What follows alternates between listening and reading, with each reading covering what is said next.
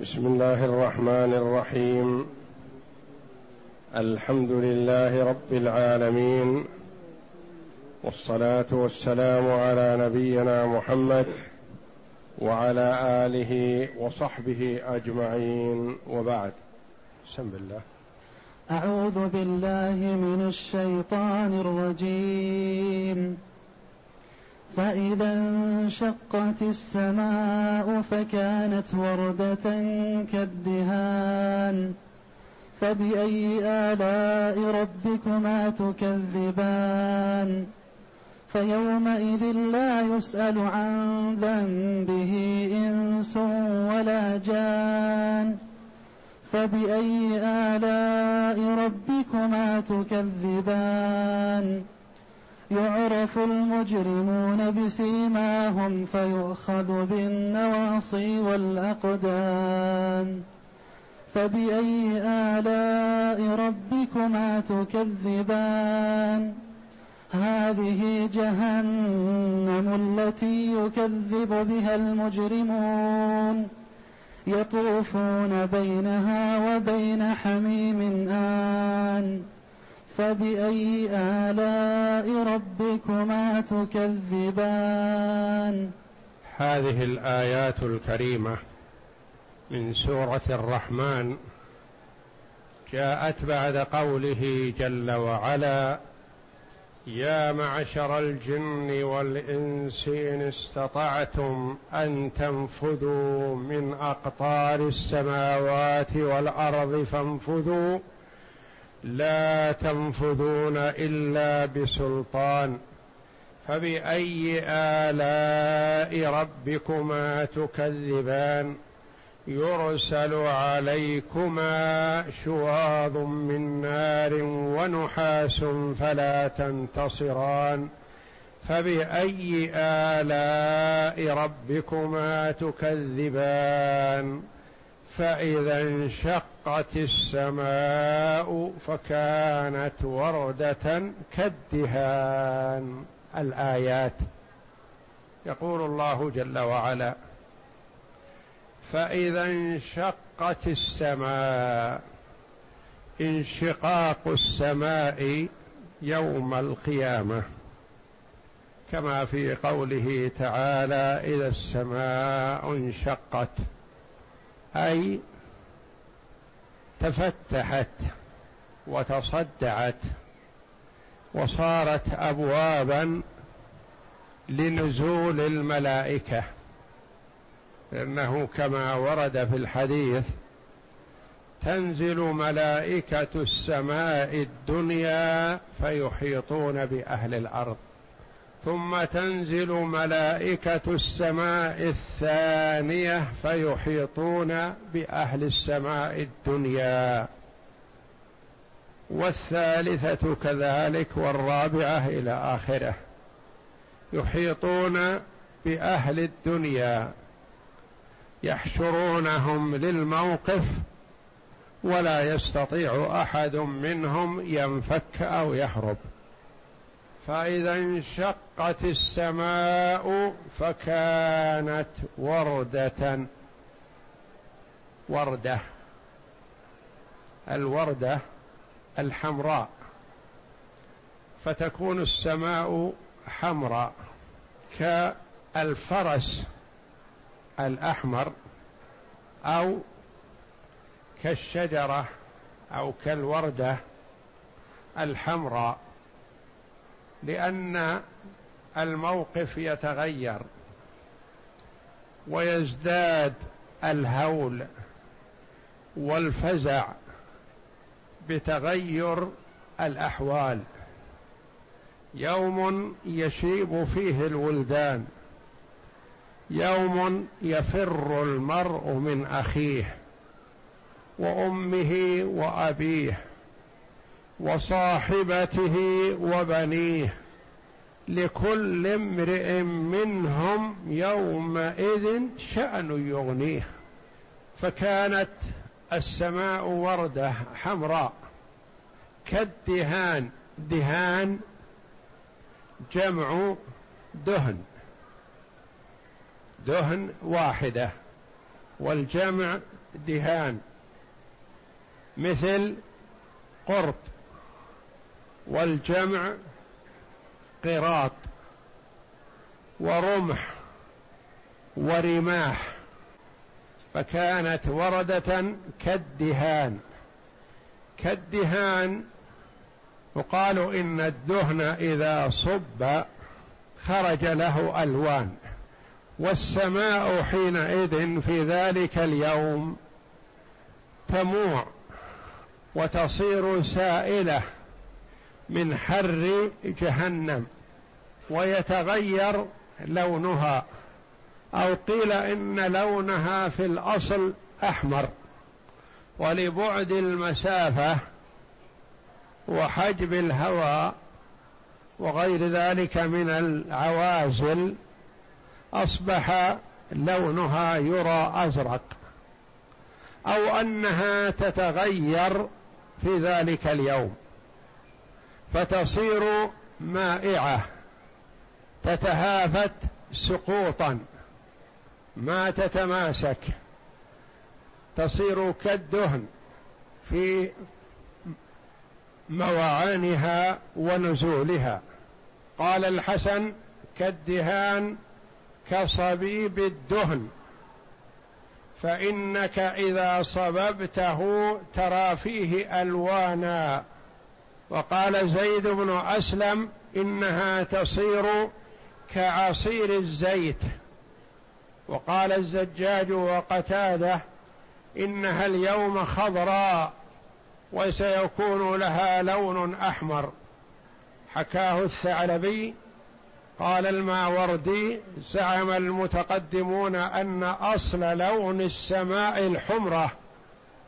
وأنها لكثرة الحوائل والحواجز وبعد المسافة واعتراض الهواء بيننا وبينها ترى بهذا اللون الأزرق كما يرى الدم في العروق أزرق ولا هواء هناك يمنع من اللون الأصلي. يعني اللون الدم في العروق أحمر. ويرى من أجل الحواجز هذه يرى كأنه أزرق. قال الفراء وأبو عبيدة تصير السماء كالأديم لشدة حر النار. وقال ابن عباس رضي الله عنهما كالأديم الأحمر أي على خلاف العهد بها وهو الزرقة.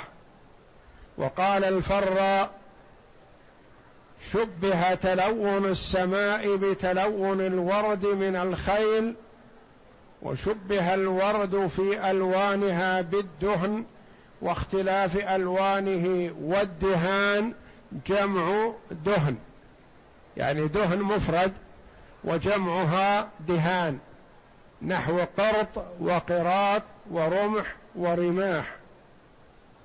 فبأي آلاء ربكما تكذبان؟ الآلاء النعم. وهل صيرورة السماء في ذلك اليوم نعمة أم مصيبة ونقمة؟ تكون مصيبة وتكون نعمة. كيف تكون نعمة؟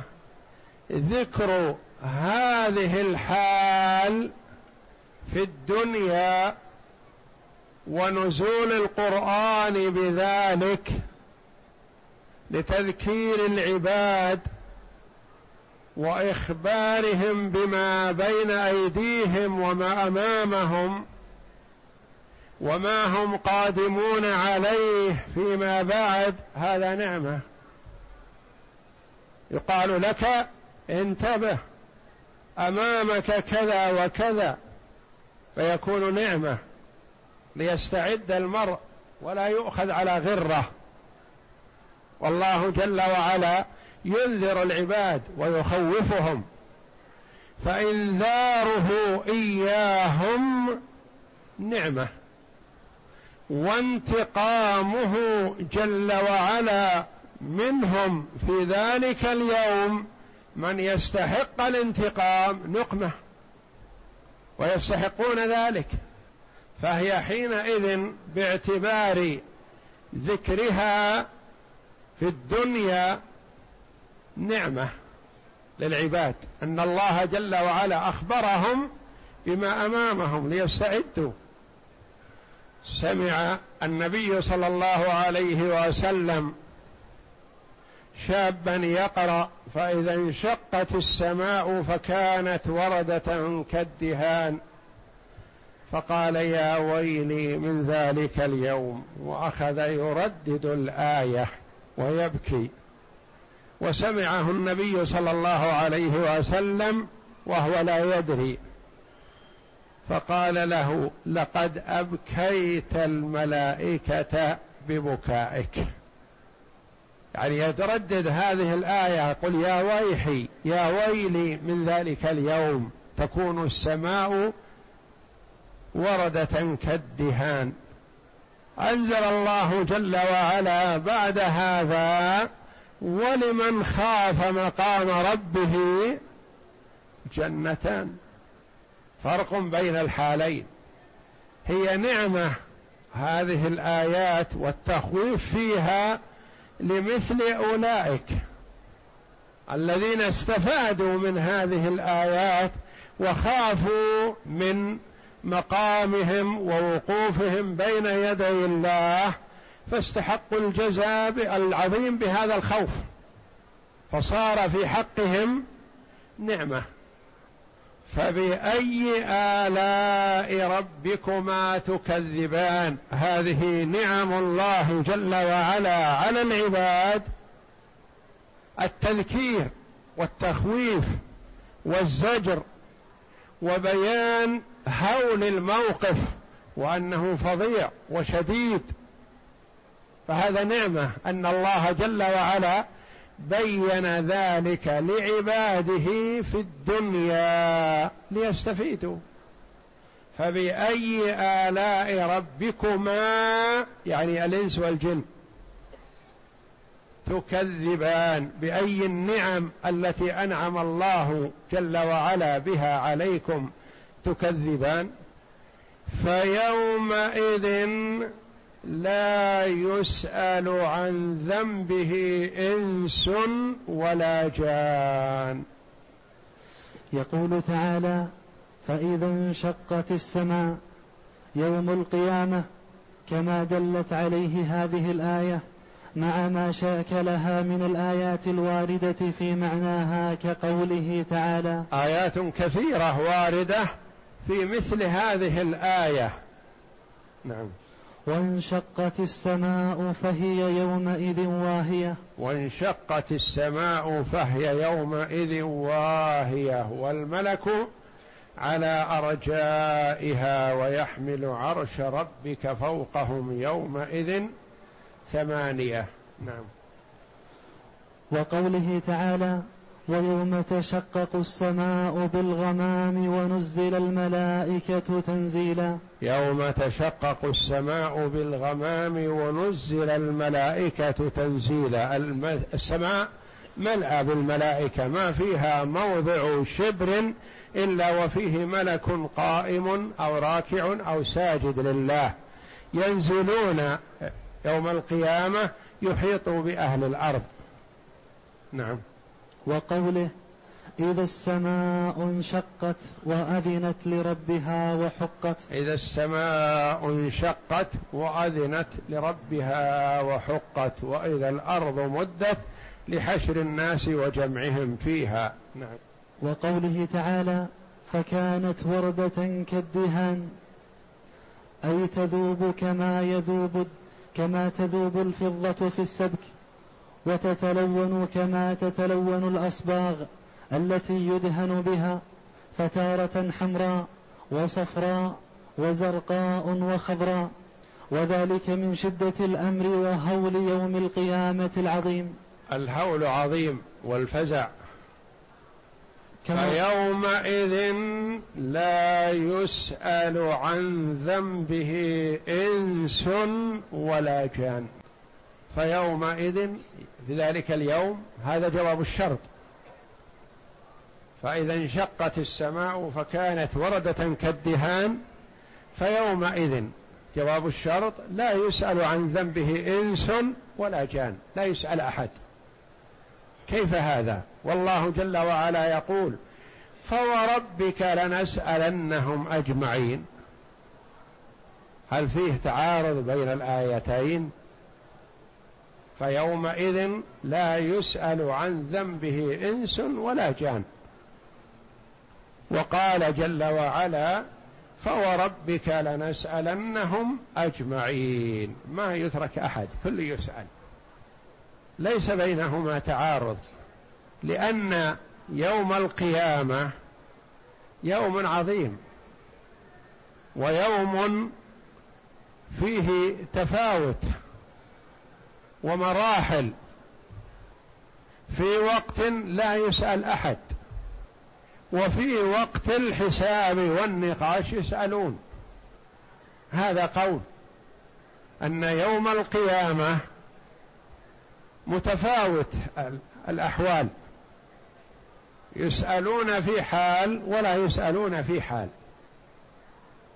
القول الثاني فيومئذ لا يسأل عن ذنبه إنس ولا جان. ما يحتاج أن يسأل يقال ماذا عملت؟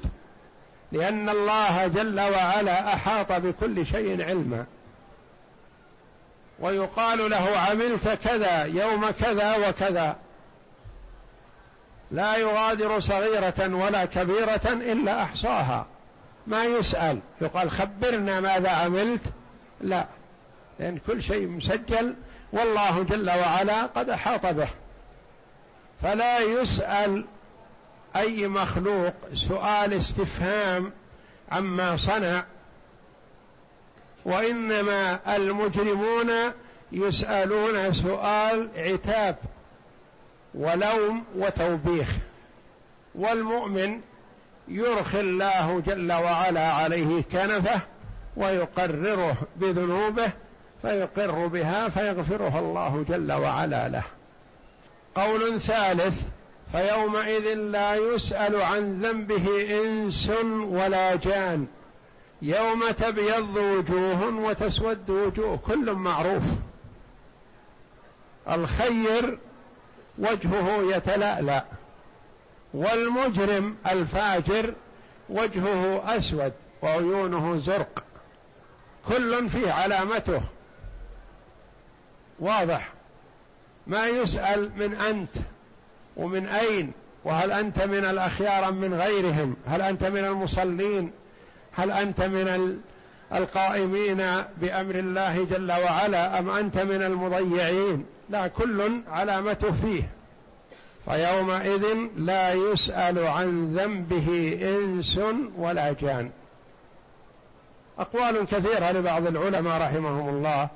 وقيل لا يسأل عن ذنب المجرم غيره. المجرم هو الذي كل واحد يسأل عن نفسه فيومئذ لا يسأل عن ذنبه. ذنبه المجرم ذنب المجرم لا يسأل عنه إنس ولا جان وإنما هو المسؤول الوحيد وحده. فيومئذ يعني في ذلك اليوم لا يسأل عن ذنبه إنس ولا جان. أي يوم تنشق السماء لا يسأل أحد من الإنس ولا من الجن عن ذنبه لأنهم يعرفون بسيماهم عند خروجهم من قبورهم. يوم تبيض وجوه وتسود وجوه.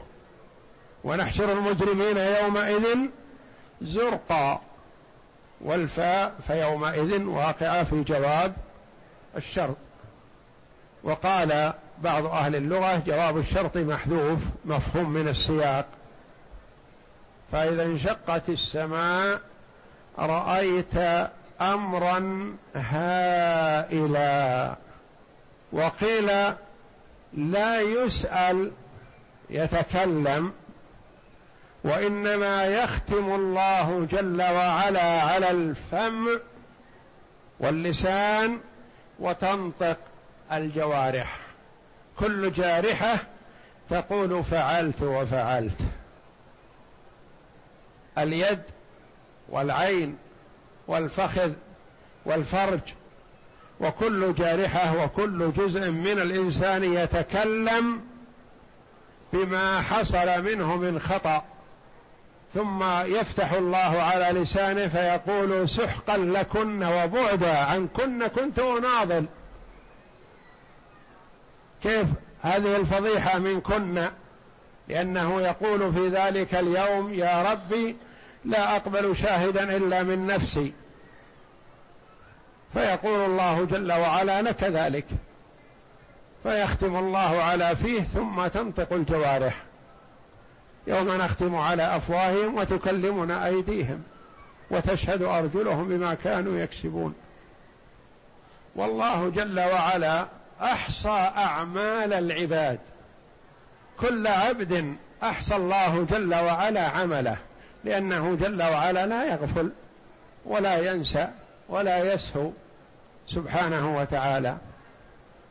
فيومئذ لا يسأل عن ذنبه إنس ولا جان.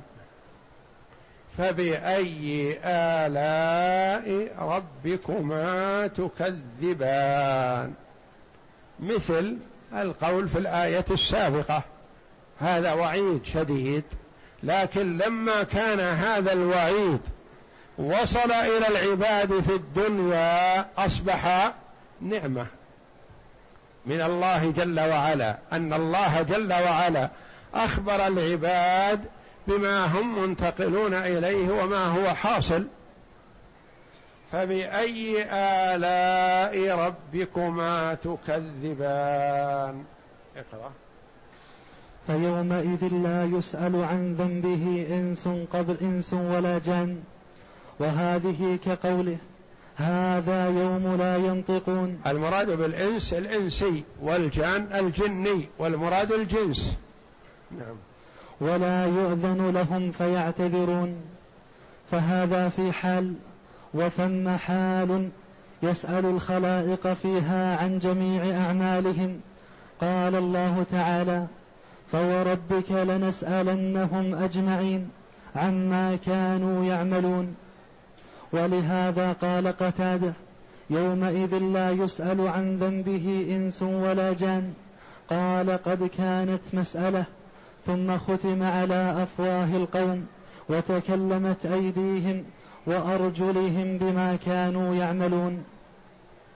قال علي بن أبي طلحة عن ابن عباس لا يسألهم هل علمتم كذا وكذا لأنه أعلم بذلك منهم ولكن يقول لم عملتم كذا وكذا.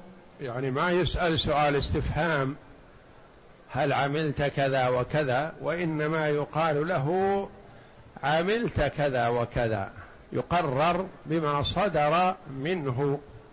فلا يسأل وإنما يقرر بما صدر منه. نعم. وقال الحسن وقتاده يعرفونهم باسوداد الوجوه وزرقة العيون. قلت وهذا كما يعرف المؤمن بالغرة والتحجيل من آثار الوضوء. يعرف المؤمن من أمة محمد بالوضوء بالتحجيل والغرة. لما سئل النبي صلى الله عليه وسلم كيف تعرف أمتك؟ وهو عليه الصلاة والسلام رأى أصحابه ولم ير أمته. فأخبر صلى الله عليه وسلم بأنه يعرفهم بالغرة بالوجوه والتحجيل من آثار الوضوء. فكذلك المجرم يعرفون بزرقة العيون وسداد الوجوه والعياذ بالله. يعرف المجرمون بسيماهم يعني علامتهم. يعرفون بين لأن المؤمن يكون أبيض الوجه مسرور ويحشرون على رواحل وخيل ويتفاوتون في الحشر والمجرمون يسحبون على وجوههم والعياذ بالله. يعرف المجرمون بسيماهم سواد الوجوه وزرقة العيون. ونحشر المجرمين يومئذ زرقا والله جل وعلا يقول يوم تبيض وجوه وتسود وجوه. فأما الذين اسودت وجوههم أكفرتم بعد إيمانكم فذوقوا العذاب بما كنتم تكفرون. يعرف المجرمون بسيماهم علاماتهم فيؤخذ بالنواصي والأقدام. الناصية مقدمة الرأس والقدم الأرجل. قيل في هذا أنه يعكف ناصيته على ظهره حتى تلتقي الناصية بالقدم من الخلف وأن الملك يمسك العاصي الفاجر فيثنيه على ظهره كما يكسر الحطب في التنور. فيكسر ظهره حتى تلتقي ناصيته بقدميه. ورد هذا كما يكسر الحطب للتنور. والله جل وعلا وصف الملائكة هؤلاء ملائكة النار بأنهم غلاظ شداد. وورد أنه حبب إليهم تعذيب الفجرة من بني آدم كما حبب إلى بني آدم الطعام والشراب. فهم لا يرحمونهم ولا يلطفون بهم وهم أقوياء أشداء والفاجر ضعيف مهين. فيثنيه إلى من جهة ظهره حتى تلتقي ناصيته بقدمه. فيؤخذ بالنواصي والأقدام. قال بعض المفسرين يؤخذون بالنواصي يجرون مع الناصية يكون وجهه إلى الأرض ومنهم من يجر بالقدم فيسحب على وجهه. ولا منافاة بين هذا وهذا لأن الله جل وعلا يعذب الفجرة بأنواع من العذاب. فقد يكون أحيانا كذا وأحيانا كذا وقد يكون بعضهم كذا وبعضهم كذا. وما يتصور الإنسان في حال الدنيا حيث العذاب ومن حيث النعيم ما يستطيع المرء في الدنيا أن يتصورها أو يحيط بها. وإنما فوق ما يتصور كما ورد في الحديث القدسي أعددت لعبادي الصالحين ما لا عين رأت ولا أذن سمعت ولا خطر على قلب بشر. ما يخطر على البال. النعيم الذي أعده الله جل وعلا لأهل الجنة كما أنه لا يخطر على البال العذاب الأليم الذي أعده الله جل وعلا لمن كفر به. فيؤخذ بالنواصي والأقدام يعرف المجرمون بسيماهم يعني تعرفهم ملائكة العذاب. ولا يحتاج أن يقال خذ هذا وخذ هذا وخذ هذا يعرفونهم. فيؤخذ بالنواصي والأقدام. والناصية هي مقدمة الرأس والأقدام الأرجل. قال ابن عباس رضي الله عنهما تأخذ الزبانية بناصيته وقدميه ويجمع فيكسر كما يكسر الحطب في النار. حبر هذه الأمة وترجمان القرآن ابن عباس رضي الله عنهما يفسر هذه الآية ويجمع فيكسر كما يكسر الحطب في التنور. والنواصي شعور مقدم الرأس والمعنى أنها تجعل الأقدام مضمومة إلى النواصي وتلقيهم الملائكة في النار. وقال الضحاك يجمع بين ناصيته وقدمه في سلسلة من وراء ظهره. وقيل تسحبهم الملائكة إلى النار تارة تأخذ بنواصيهم وتجرهم على وجوههم وتارة تأخذ بأقدامهم وتجرهم على رؤوسهم. فبأي آلاء ربكما تكذبان؟ مثل ما تقدم. هذا وعيد شديد إلا أنه لما عجل للناس وبين لهم في الدنيا فهو نعمة. أن الله جل وعلا يبين لعباده في حال الدنيا ما أعده لمن عصاه وخالف أمره. انتبه هذا الذي أمامك إذا عصيت. وأمامك إذا أطعت ما سيأتي في الآيات بعد هذا ولمن خاف مقام ربه جنتان. فالأمر واضح جلي. والعاقل ينظر ويختار لنفسه ويسأل الله جل وعلا التوفيق والثبات والسداد. فبأي آلاء ربكما تكذبان؟ لما كان الإخبار في الدنيا عن هذه المواقف أصبحت نعم للعباد ليستفيدوا. فيؤخذ بالنواصي والأقدام أي تجمع الزبانية ناصيته مع قدميه ويلقونه في النار. وقال الأعمش عن ابن عباس يؤخذ بناصيته وقدمه فيكسر كما يكسر الحطب في التنور. وقال الضحاك يجمع بين ناصيته وقدميه في سلسلة من وراء ظهره. هذه جهنم التي يكذب بها المجرمون. لما يوقف المجرمون عليها يقال لهم هذه جهنم. أنتم في حال الدنيا تكذبون. ما صدقتم أن فيه نار جهنم لمن عصى الله. ولا صدقتم أن فيه جنة ونعيم لمن أطاع الله. فهذه النار التي كنتم تكذبون بها. الان أمامكم؟ تستطيعون التكذيب؟ هل ينفعكم تكذيبكم؟ هذه النار التي يكذب بها المجرمون الذين أجرموا في الدنيا الذين كانوا يضحكون من المؤمنين ويستهزئون بهم ويسخرون بهم. إن الذين أجرموا كانوا من الذين آمنوا يضحكون وإذا مروا بهم يتغامزون.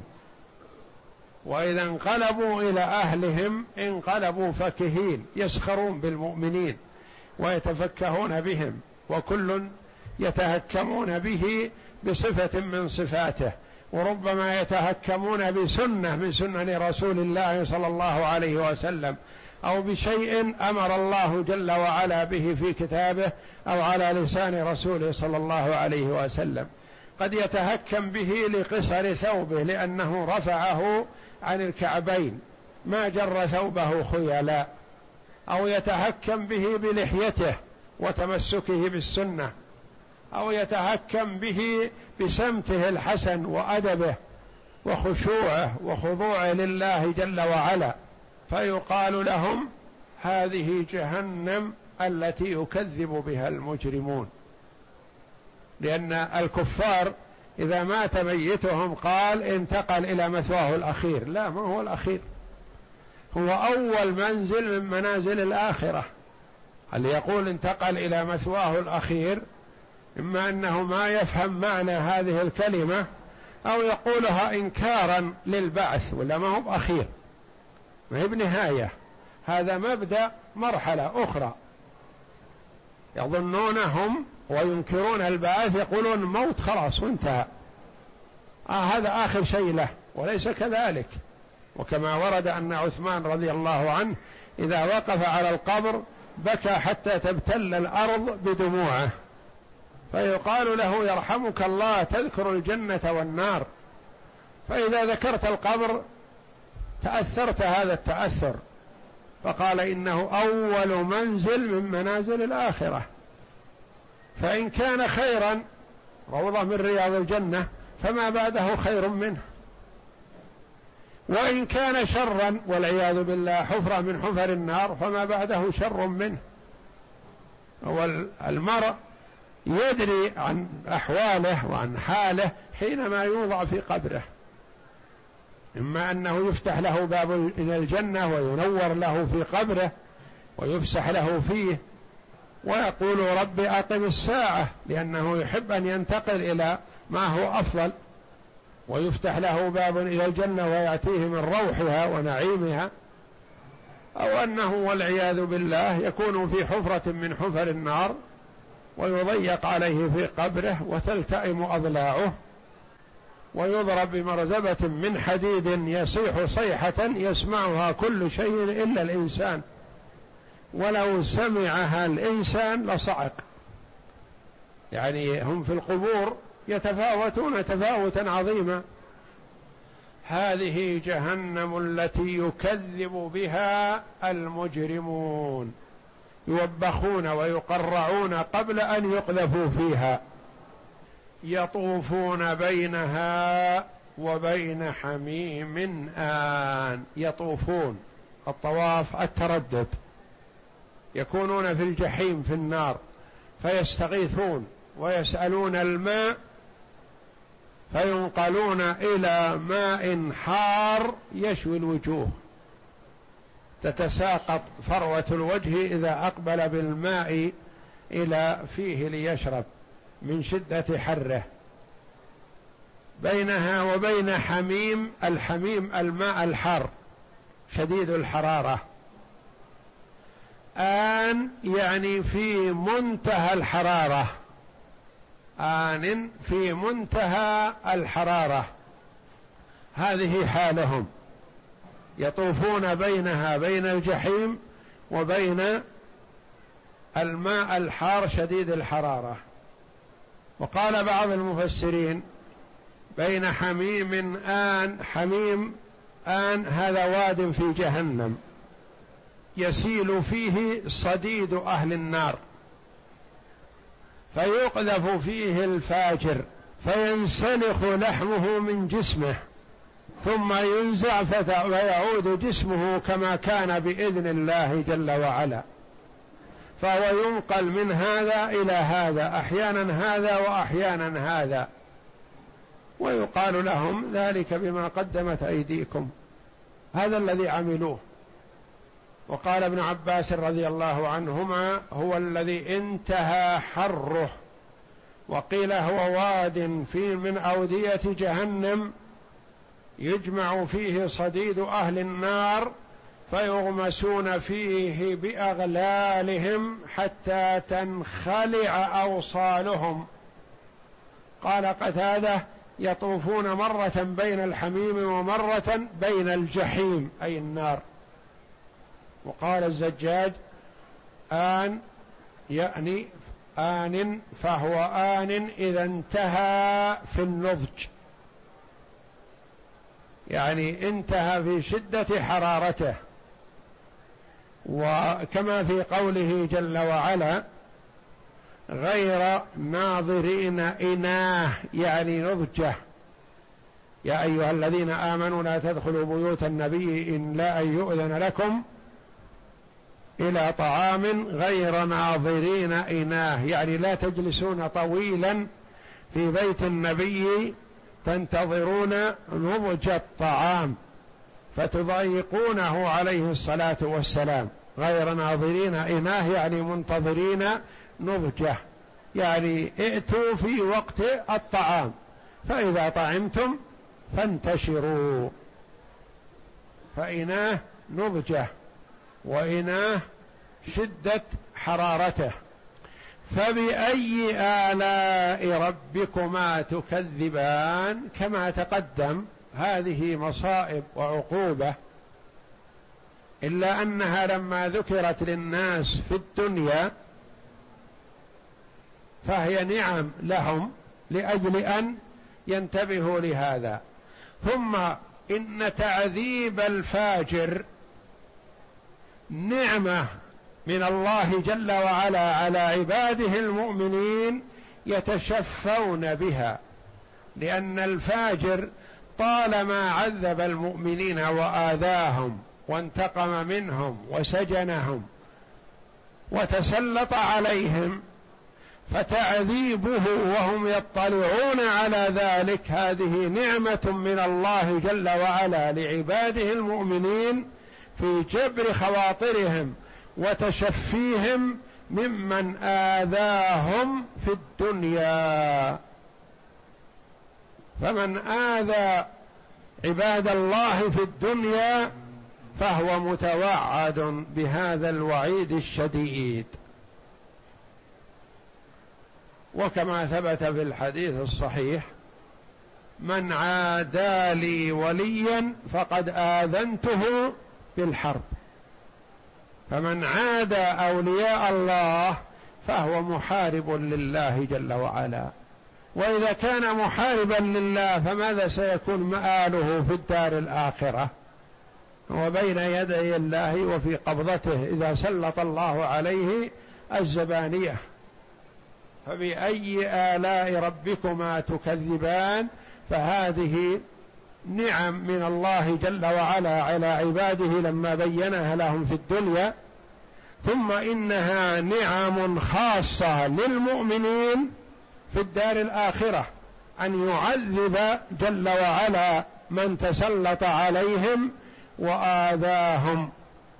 هذه جهنم التي يكذب بها المجرمون أي هذه النار التي كنتم تكذبون بوجودها. ها هي حاضرة تشهدونها عيانا. يقال لهم ذلك تقريعا وتوبيخا وتصغيرا وتحقيرا. يطوفون بينها وبين حميم آن. أي تارة يعذبون في الجحيم وتارة يسقون من الحميم. وهو الشراب الذي هو كالنحاس المذاب. يقطع الأمعاء والأحشاء وهذه كقوله تعالى إذ الأغلال في أعناقهم والسلاسل يسحبون في الحميم ثم في النار يسجرون. وقوله آن أي حار وقد بلغ الغاية في الحرارة لا يستطاع من شدة ذلك. قال ابن عباس في قوله يطوفون بينها وبين حميم آن قد انتهى غليه واشتد حره. وكذا قال مجاهد وسعيد بن جبير. الله أعلم وصلى الله وسلم وبارك على عبده ورسول نبينا محمد وعلى آله وصحبه أجمعين.